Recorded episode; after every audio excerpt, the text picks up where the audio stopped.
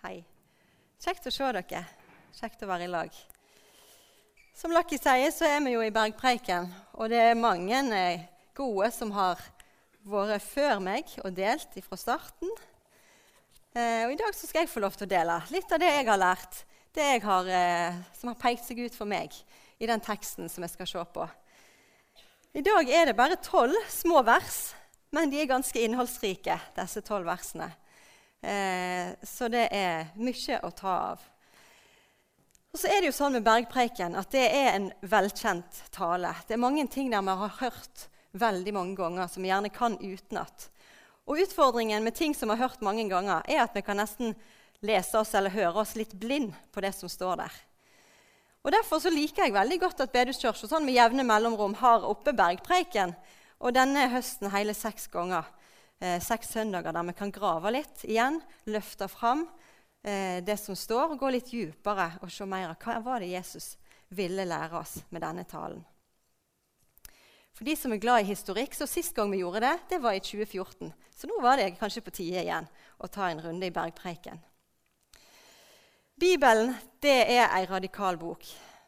Jesus sin lære den er radikal for oss i dag når vi leser nå.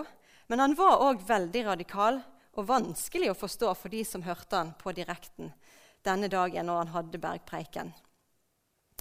Når Jesus holder denne talen, eh, så er folket fremdeles prega av kultur og verdier og læresett fra Det gamle testamentet. Jesus han kom med en ny lære. Eh, nytt og radikalt budskap. Så jeg ser for meg en sånn folkemengde som hører på Jesus når vi skal inn i denne talen. En folkemengde som ikke er helt overbevist om hvem er denne her mannen. De er fremdeles litt sånn undrende og Kan han være Messias? Ryktene hadde begynt å, begynt å gå. Men hvem er han egentlig?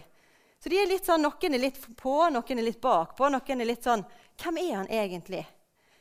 Sånn ser jeg for meg når bergpreken blir holdt. At Jesus setter seg ned, underviser. Og folkene er litt sånn spørrende og undrende. En av de gamle kirkefedrene, Augustin, han kalte bergpreken for 'den perfekte standard for det kristne liv'. Den perfekte standard for det kristne liv. Litt av en standard, vil jeg si. Selv om det er en umulig standard i seg sjøl, så er det likevel en standard som vi skal få lov til å jobbe fram imot. Ikke for at vi skal opphøve oss sjøl, men for at vi skal få lov til å peke på Han som har tatt bolig i oss. En standard som kun er mulig gjennom en større og større overgivelse til Jesus. En standard som er mulig når han får prege livet vårt mer og mer. For bergpreiken den er innholdsrik. Og så langt denne høsten så begynte vi jo i saligprisningen. Det er der bergpreiken begynner.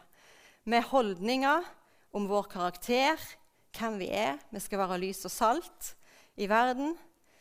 Vi har snakket om livsstil, hvordan vi skal leve. Vi har lært om det skjulte livet, om hvem vi er når ingen ser oss, og om våre lengsler og vår tillit og ambisjoner. Og så Versene som vi skal se på i dag, de handler om relasjon. Hvordan vi skal forholde oss til andre mennesker, og hvordan vi skal forholde oss til Gud. Og Livet som en disippel det er jo i relasjon. Relasjon til Jesus. Og så er ikke det et sololøp her på jorda. Vi er ikke kristne solister som lever alene. Vi tilhører et fellesskap. Og fellesskapet av kristne det er gitt oss som en styrke. Så nå skal vi øyeblikk gå inn i teksten. Jeg har lyst til å bare be litt først. Far, jeg takker deg for uh, undervisningen som du har gitt oss i bergpreiken. Og nå har jeg lyst til å be Helligånd om at du åpner ordet ditt, så vi kan se nye ting ifra hva du ønsker å lære oss i dag. Kom, Helligånd, og åpne ordet for oss. Vi skal gå inn i teksten. Først det er altså i Matteus 7. Eh, De som har bibler med, kan få slå opp, og så får vi det opp her òg, som vi leste i lag. Matteus 7, vers 1-5. Døm ikke for at dere ikke skal bli dømt. Etter dommen dere dømmer med, skal dere selv få dom. Og i samme mål som dere selv måler opp med, skal det også måles opp til dere. Hvorfor ser du flisen i din, i din brors øyne, men bjelken i ditt eget øye legger du ikke merke til? Eller hvordan kan du si til din bror, la meg ta flisen ut av øyet ditt, når det er en bjelke i ditt eget øye? Din hykler. Ta først ut bjelken fra ditt eget øye. Da vil du se klart nok til å ta flisen ut av øyet til din bror. Døm ikke. Det er nesten som jeg kvepper litt i starten her. Den er litt sånn uh, Å dømme, dom eller å være dømmende, hvem liker vel det? Nesten litt sånn ubehagelig start, som fort kan gjøre at vi bakker litt ut, eller lander i at jeg skal i alle fall ikke dømme noen, så jeg lar trekke meg litt unna, lar helst være og legger meg bort i noe som helst. Men egentlig når jeg har jobba litt med denne teksten, så syns jeg at han er egentlig veldig fin og har noe veldig fint med seg. Han høres veldig hard ut i starten, men så handler han egentlig om omsorgen for hverandre. Hvis vi tar på oss disippelskapsbrillene og tenker at rammene for en disippel er i fellesskapet med andre, hvordan ser disse versene ut da? Fellesskapet er vi jo gitt til hverandre for å stå i lag og hjelpe hverandre som disipler på jordet. Det kristne fellesskapet er meint som en styrke for oss i livet her på jorda. Og I møte med avsnittet så lærer Jesus oss både noe som vi skal gjøre, og noe som vi ikke skal gjøre i møte med hverandre. Først litt om hva vi ikke skal gjøre.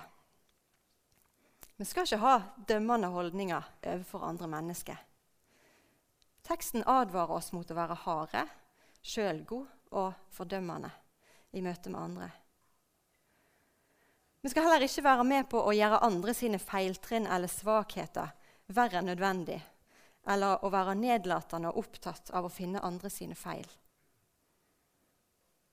Så sier han òg at dersom vi setter oss i en konstant dommersete overfor andre, så vil vi ende opp å være tiltalt sjøl fordi den dom vi tildeler andre, vil slå tilbake på oss sjøl.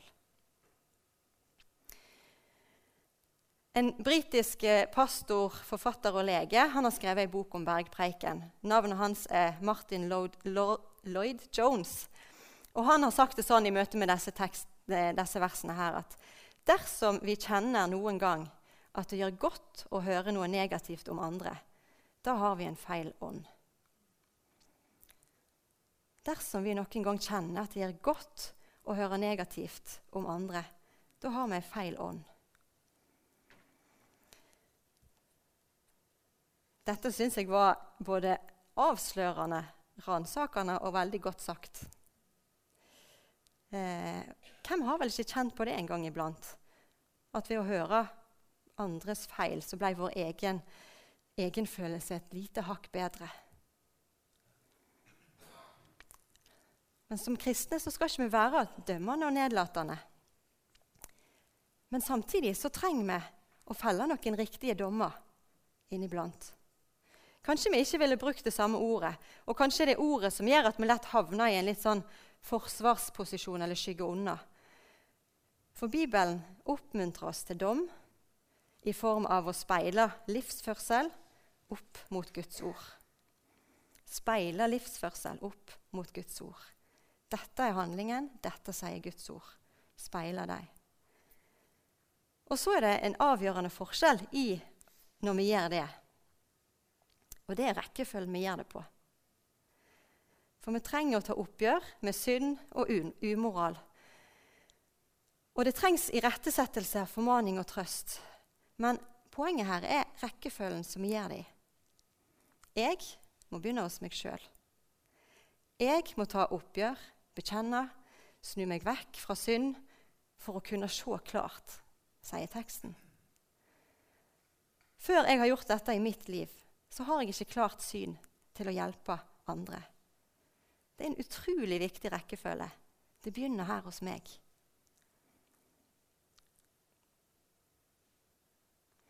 Når det er en tekst som er sånn at han begynner med noe vi ikke skal gjøre, så er det lett for at en bare hører det som vi ikke skal gjøre. Men denne teksten her sier mer enn bare 'ikke'. Den sier, den sier at det skal ikke dette fordi det skal dette. Så den sier òg noe vi skal gjøre. Og det er der jeg syns det fine begynner. Eh, enda finere. Det er omsorgen for hverandre. For vi har både fliser og bjelker i øye og liv. Men i fellesskapet med andre disipler så kan vi få hjelp til å kvitte oss med det er sånn at vi kan se klart. Tilbake igjen til rekkefølgen. Det begynner med meg sjøl. Ta først bjelken ut av ditt øye. Da vil du se klart nok til å ta flisen ut av øyet til din bror sier teksten. Vi skal ta oppgjør med og kvitte oss med synd. Dette er en, praktis, en praksis som vi trenger å ha. Hvorfor det? Jo, fordi det er godt for et menneske å kvitte seg med synd. Og det vet jo Jesus når han underviser denne talen. Synden den gjennomsyrer, binder og ødelegger og holder oss vekke fra Gud. Vi trenger å bekjenne og legge av. Vi trenger å bli vaska rein i Jesu blod. Vi trenger dette. Og i relasjonen til andre disipler så er det en ypperlig plass å bekjenne og dele dette nære broder-søster-fellesskapet. Der det skjer i en ydmyk relasjon, hvor det starta med meg, jeg starta med meg sjøl, for så nådefullt, ydmykt og kjærlig hjelpe nesten min. I Lukas 17, 3 så står det ta dere i vare. Dersom din bror gjør en synd, så tal han til rette. Og hvis han angrer, så tilgi han. Jeg er bedt om å hjelpe min bror og søster med å ta, bli kvitt flisen i øynene. Men jeg trenger å se på mitt eget liv først. Hva er det jeg trenger eh, overgivelse? På hva område er det jeg trenger overgivelse til Jesus? Hva synd er det i livet mitt som blinder meg? Og så har vi fått oppleve Guds enorme nåde og tilgivelse, alle mann. Han tilgir igjen og igjen og behandler oss ikke ut fra tidligere synder. Nei, det er tilgitt, tilgitt og glemt for alltid hos Jesus. Så når Gud behandler oss på en sånn måte, så bør selvsagt vi få lov til å, eller bør selvsagt vi behandle våre brødre og søstre på samme måte. Jeg tror at Den største utfordringen hos oss det er at vi verken tar oppgjør med egen synd, og heller ikke snakker inn i, livet til hverandre. Men Jesus ber oss om begge deler. Vi har gitt hverandre i det kristne fellesskapet til hjelp på veien fram mot den dagen vi alle skal stå framfor Gud. Så i ekte kjærlighet og omsorg for hverandre så lærer Jesus oss om å se først på meg og mitt liv for så å hjelpe mine søsken i true, sånn at vi alle kan leve et liv i renhet og frihet gjennom Jesus. I 1. Johannes 1,9 så står det den, dersom vi bekjenner våre synder, er Han trofast og rettferdig, så Han tilgir oss syndene og renser oss for all urettferd. Vi skal gå videre til neste vers, og det er vers 6. Vi skal stoppe kun med det. Der står det Gi ikke hundene det hellige, og kast ikke perler for svin. De vil bare trampe dem ned, vende seg mot dere og rive dere i stykker. Litt av et vers. Jesus snakker jo ofte i bildet. Av og til så tenker jeg kunne ikke han sagt det bare rett ut? Og det er jo sikkert bergenseren i meg som liker litt klartale til tider. Her er det jo et bilde som Jesus snakker i. Eh, og evangeliet som er gitt oss, evangeliet om Jesus, det er hellig. Vi som kristne vi har blitt betrodd et hellig budskap. Eh, men så er det ikke alle i verden som ser verdien av evangeliet. Vårt største oppdrag på jorda det er å følge Jesus og gjøre evangeliet om frelsen kjent for andre mennesker. Og I dette bildet så ønsker Jesus å gjøre oss oppmerksom på at det, Det er ikke alle som ønsker å ta imot evangeliets budskap. Noen vil motta det med spott, latterliggjøring og hån. Og hva gjør vi da? Nei, vi lar oss ikke stoppe. Men jeg tror at Jesus ønsker å si, gjøre oss klar over at det kan skje. Eh, og så kan det være at vi skal gå videre og dele denne skatten til noen andre. Sånn at vi ikke blir revet i stykker på veien. Og at i alle fall ikke skatten blir revet i stykker for vår egen del. Det er litt sånn harde og litt sånn vanskelige ord å gå videre på en måte. Eh, men jeg tror at Gud bare ønsker å gjøre oss oppmerksom på, eller Jesus ønsker å gjøre oss oppmerksom på at eh, kanskje det kan skje til tider. At vi deler evangeliet, men det blir latterliggjort, hånlig og spotta. Kanskje vi da trenger å bare gå videre, dele det videre med andre. Eh, teksten så langt som vi har sett på, den har, handler jo om mellommenneskelige relasjoner. Eh, videre, De neste versene handler om relasjonen med, mellom Gud og menneske. Som jeg skal lese i vers 7-11. Be, så skal dere få. Leit, så skal dere finne. Bank på, så skal det lukkes opp for dere. For den som ber, han får. Og den som leiter, han finner. Og den som banker på, skal det lukkes opp for. Eller hvem av dere vil gi sønnen sin en stein når han ber om et brød? Eller gi han en orm når han ber om en fisk? Når selv dere som er onde, vet å gi barna deres gode gaver, hvor mye mer skal ikke da deres far i himmelen gi gode gaver til den som ber han. I motsetning til det første avsnittet så er dette vers som gir et mye bedre førsteinntrykk. vil jeg si. Det første som popper frem her, det er jo her er det mye jeg kan få. Og det er jo noe som går rett hjem når jeg hører at jeg kan få. Her skal jeg både få, jeg skal finne, det skal bli lukka opp for meg, og så er det snakk om mange gode gaver. Dette går rett hjem. Det er nesten som at det høres ut til å være for godt til å være sant. Men det er ikke tidsånden som snakker. Det er sannheten. Det er sannheten, og det er et fantastisk budskap til oss. Det er jo helt nydelig. Jeg elsker sånne vers som dette her, med Guds løfte til oss. Guds løfte som er sannheten. Som oftest når det står om løfter i Bibelen, så er de knytta til en handling i forkant. Og det er det om løftene her òg. Så i dette tilfellet så er handlingen at vi skal be, vi skal leite, og vi skal banke på. I vår oversettelse som vi har eh, så, så, kan det høres ut som at det er en litt sånn quick fix. At det er ei bønn, og så skjer det. Eh, ja, At det går, det går, veldig kjapt. Men så har jeg lest meg til at i den greske oversettelsen så står verbet tydeligere i den formen som betyr gjentagende ganger. Jeg er ikke norsklærer, men jeg forstår forskjellen på de to tingene. Eh, det handler altså om at dette er noe vi skal gjøre gjentatte ganger. Så vi kan lese det som 'fortsett å be'. Gjentagende. Fortsett å leite kontinuerlig. Fortsett å banke på igjen og igjen. I relasjonen mellom far og barn, altså vår himmelske far og vi som hans barn, så er det lagt opp til at vi skal komme igjen og igjen til han og be om ting. Leite etter det han har for oss. Banke på og se hvor veien i lag med han går som et tillitsfullt barn som ber sin far 'Jeg vil ha dette', og som en forventning om at du gir meg det. Leiting. Være på leit, konstant leit etter hva er det du har gitt meg, Gud, i denne situasjonen. Det er kanskje annerledes enn det jeg hadde tenkt, men en tillitsfull henvendelse til far med forventning om at han gir oss når vi henvender oss til han. Jeg hører en sånn brennende, helhjerta lengsel til Gud.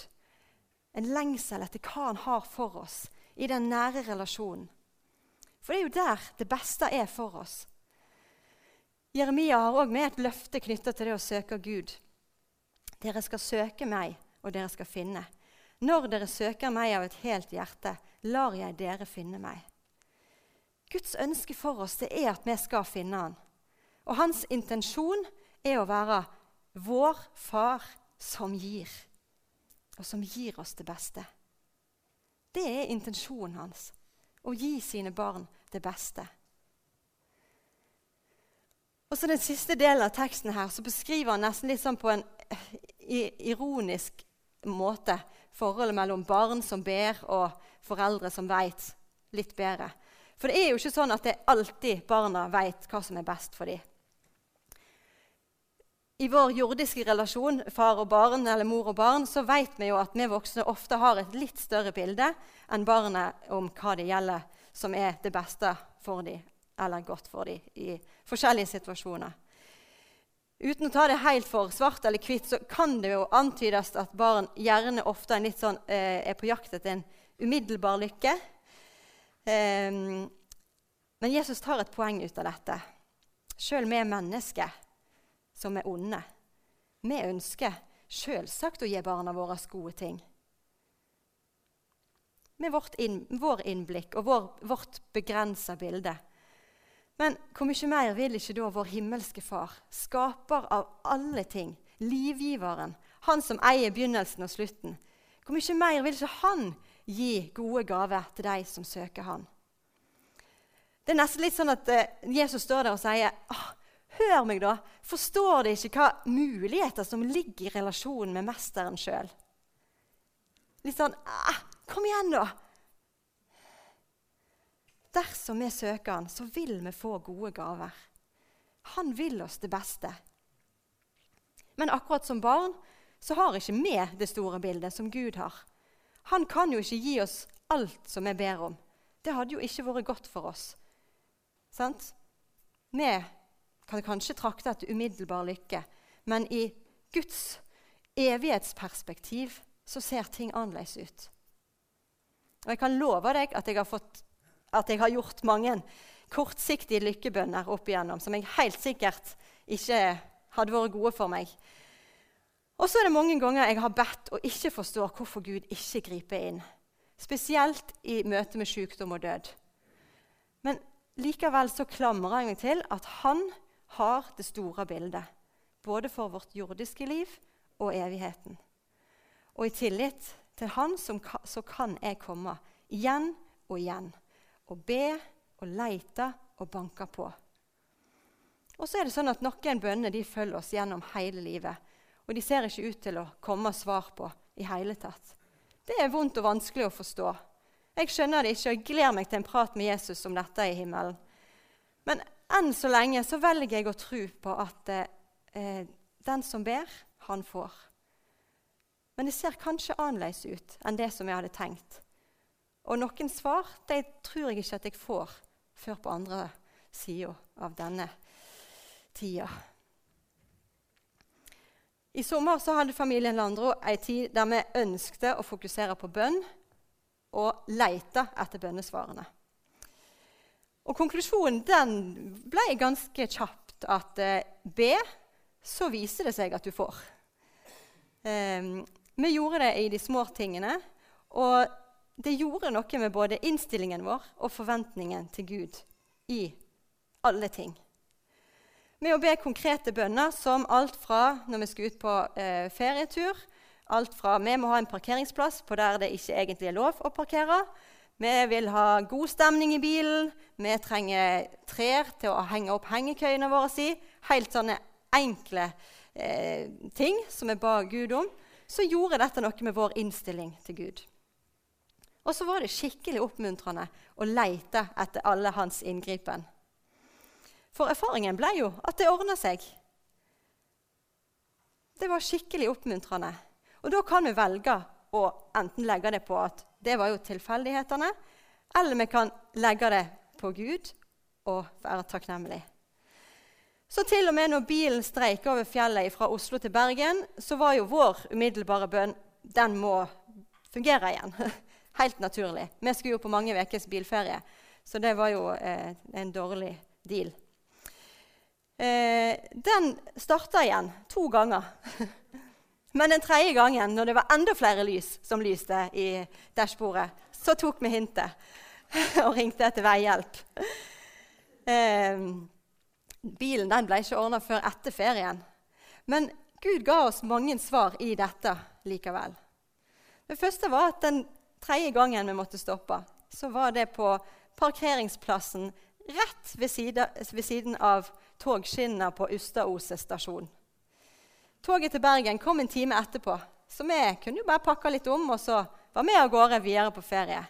Det ordna seg på en veldig god måte. Og når vi kom hjem til Bryne, var huskirka skikkelig på tilbudssida. Så på et tidspunkt så hadde vi to biler i gardsrommet tilgjengelig for oss. Og en bil som vi kunne låne hele sommeren. Be, så skal du få. Leit, så skal du finne. Bank på, så skal det lukkes opp for deg. Jeg tror vi har lett for å tenke at dette handler kun om de største tingene i livet.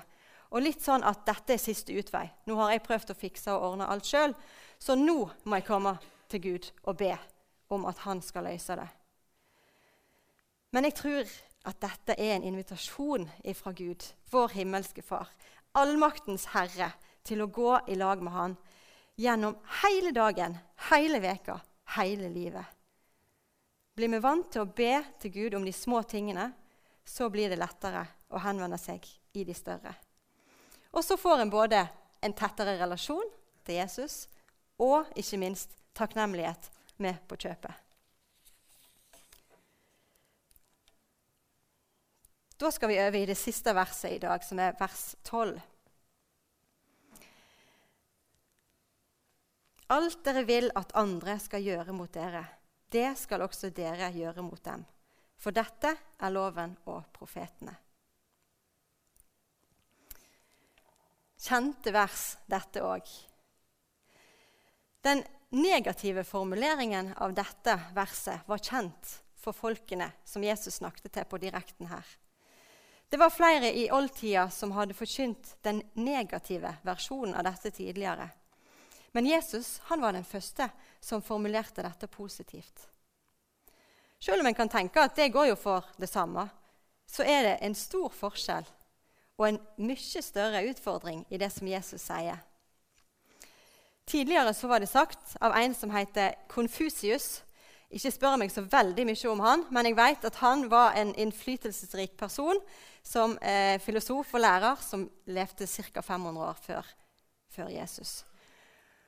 Og det han sa, det var at det du ikke vil at andre skal gjøre mot deg, skal du heller ikke gjøre mot andre. Det du ikke vil at andre skal gjøre mot deg, skal du heller ikke gjøre mot andre. Eller ifra de gamle testamentlige apokryfene så står det Gjør ikke mot andre det du sjøl avskyr. Eller en rabbi som levde 20 år før Jesus, sa Det du sjøl hater, skal du ikke gjøre mot andre sier på en måte det samme i en negativ versjon, men samtidig noe helt annet. Ikke noen plass i oldtidens litteratur finner vi denne positive formen som Jesus presenterer. Det dere vil at andre skal gjøre mot dere, skal også dere gjøre mot dem. Den negative versjonen den handler om å ikke gjøre, mens den positive den holder fram noe vi skal gjøre. Den negative den gjør det mulig å være passiv. Og det er ofte der verdens filosofi lander. Jeg bare skygger unna. Jeg blander meg ikke inn. Jeg forholder meg passiv. Jeg er ikke syndig. Jeg er jo et godt menneske. For jeg har jo ikke skada eller drept eller gjør jo ikke noe sånn vondt mot andre. Men det er ikke det Jesus sier til oss i disse versene. For å følge Jesus, det er ikke passivt. Å følge Jesus, det krever handling å følge. Det du vil at andre skal gjøre mot deg, skal du òg gjøre mot deg. Det krever en handling. Det er ikke nok å bare la være å skade noen. En skal hjelpe på en positiv måte.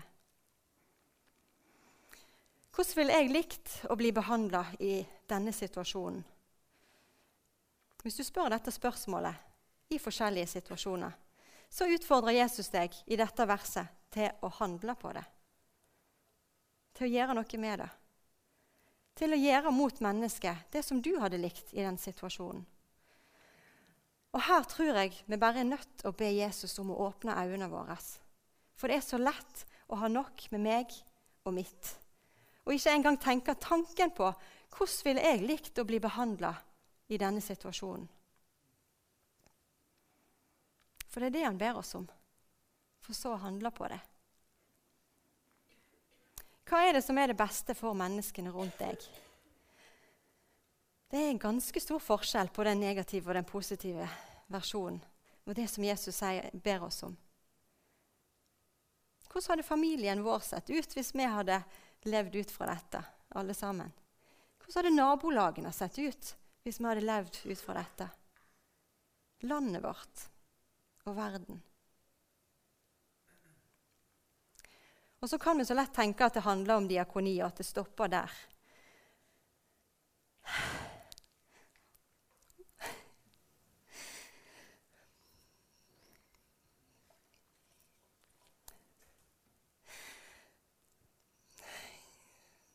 Det tror jeg ikke det gjør. Og jeg har lyst til å ta dere med litt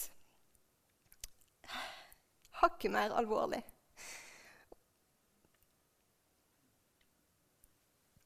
Og det er litt prega av de siste to ukene som jeg har hatt og vært en del av.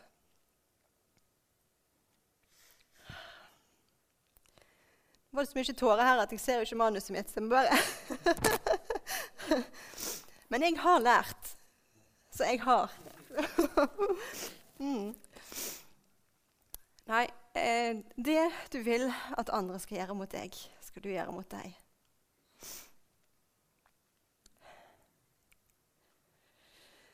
De siste to ukene har vi opplevd altfor tidlig død tett på. Og i en sånn situasjon så stopper vi opp. En stopper opp, en reflekterer over livet, en reflekterer over tida som vi har, og hva som er det viktigste. Og med dette verset i bakhodet så har jeg bare lyst til å legge på oss en ting i dag. For alle vi som er her inne, vi har mest sannsynlig hørt evangeliet veldig mange ganger. Vi har Jesus her. Vi er trygge på at vi eier livet med stor L. Vi er trygge på at Jesus har seira over døden.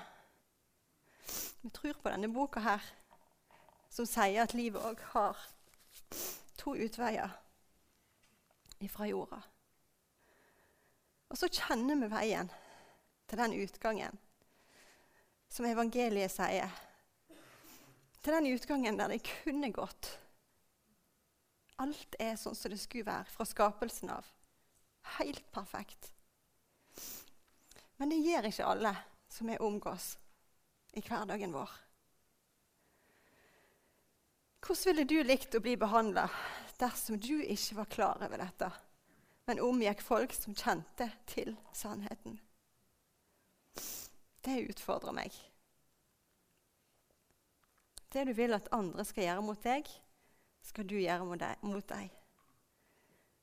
Hvordan ville du likt å bli behandla dersom du ikke visste, men de du omgikk, visste? Vi har virkelig det beste budskapet. Men så har vi blitt lurt til å tro at folk ikke er interessert. Og det er kjempealvorlig. Vi snakker så lett med venner og naboer og kollegaer om trening og ferier og hus og fotball og jeg vet ikke hva alt. Sånne ting som egentlig ikke betyr så mye. Mens evangeliet, som er Guds kraft til frelse, det er så vanskelig å snakke om. Vi er bare nødt til å dele Jesus med menneskene rundt oss. Vi må gjøre det så lenge vi har muligheten. Vi er nødt til å dele Han som er veien, sannheten og livet. Livet som òg går inn i evigheten. Det har blitt skikkelig alvorlig for meg og oss de siste to ukene. Vi kan ikke komme i den situasjonen at vi er en menighet som ikke forteller det til folkene vi omgås. Og jeg kjenner at jeg kan ikke komme i den situasjonen at jeg møter folk som sier 'Kjersti, hvorfor sa du ikke noe?' Du visste, og så sa du ikke noe.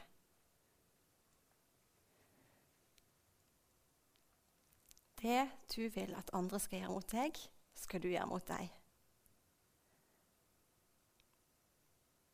Og så vet vi at det er ikke alle som vil ta imot. Perler for svin var en del av teksten her. Det, det har Jesus gjort oss oppmerksom på. Men vi har et ansvar på å handle. Vi har et ansvar på å gjøre det som vi ville ha likt at andre gjorde mot oss. Og Jeg hadde iallfall likt å vite. Himmelen er åpen, og livet med stor L sammen med vår himmelske Far i en daglig relasjon, den kan begynne allerede i dag. Så begynner det her hos meg i en daglig omvendelse. Og så er jeg så utrolig takknemlig for at fellesskapet har gitt meg til å hjelpe meg på veien. Og i bønn og i leiting og i skattejakt etter å finne, så skal jeg få lov til å følge Jesus. For jeg vet at han vil det beste for meg. Dette er loven og profetene, oppsummerte Jesus helt på slutt. Det sier han òg i Matteus 23, så jeg vil avslutte med. Du skal elske Herren din Gud av hele ditt hjerte, hele din sjel og av all din forstand. Dette er det største budet. Men det andre er like stort. Du skal elske de neste som deg sjøl. Skal lovsangstimen få lov til å komme opp? Skal vi bare bruke litt tid i, i bønn og refleksjon. Jesus, tusen takk for det som du vil oss i dag. Jesus, jeg har lyst til å takke deg for relasjonen med deg er tilgjengelig for oss alle. Den er tilgjengelig for alle som vi omgås i det daglige. Og ja. Jesus, jeg har lyst til å bare be om at du minner oss på det som du vil oss i dag. Jesus, jeg ber om at vi må få lov til å være mennesker som bryr seg, og som handler. Som ikke velger passivitet, men som velger å gå inn. Som velger å vise deg, Jesus. Som velger å ta ordet ditt på alvor. Takk, far, for at du har gjort alt ferdig for oss. Og vi skal bare få lov til å komme. Mm.